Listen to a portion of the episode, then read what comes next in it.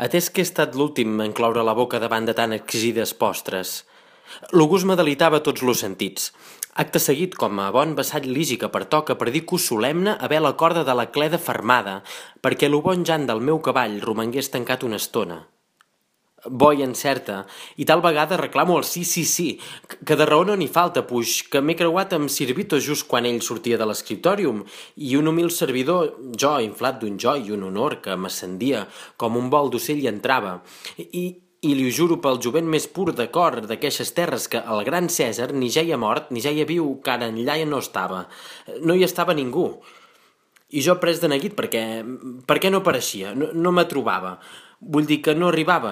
Ara, això, que, que no arribava el cavaller de la carreta, que, que era l'home amb qui havia quedat per a preparar les lluances i festes per quan el més preuat rei Artús vingués. Eh, sí, vingués aquí just, just demà. Eh, però calli, mantingui els llavis prims i cosits i no digui res d'aquestes paraules que ni los morts han de repetir perquè los cants de glòria i alegria que rebrà lo rei no los coneix. Eh, prou que lo sentirà venir.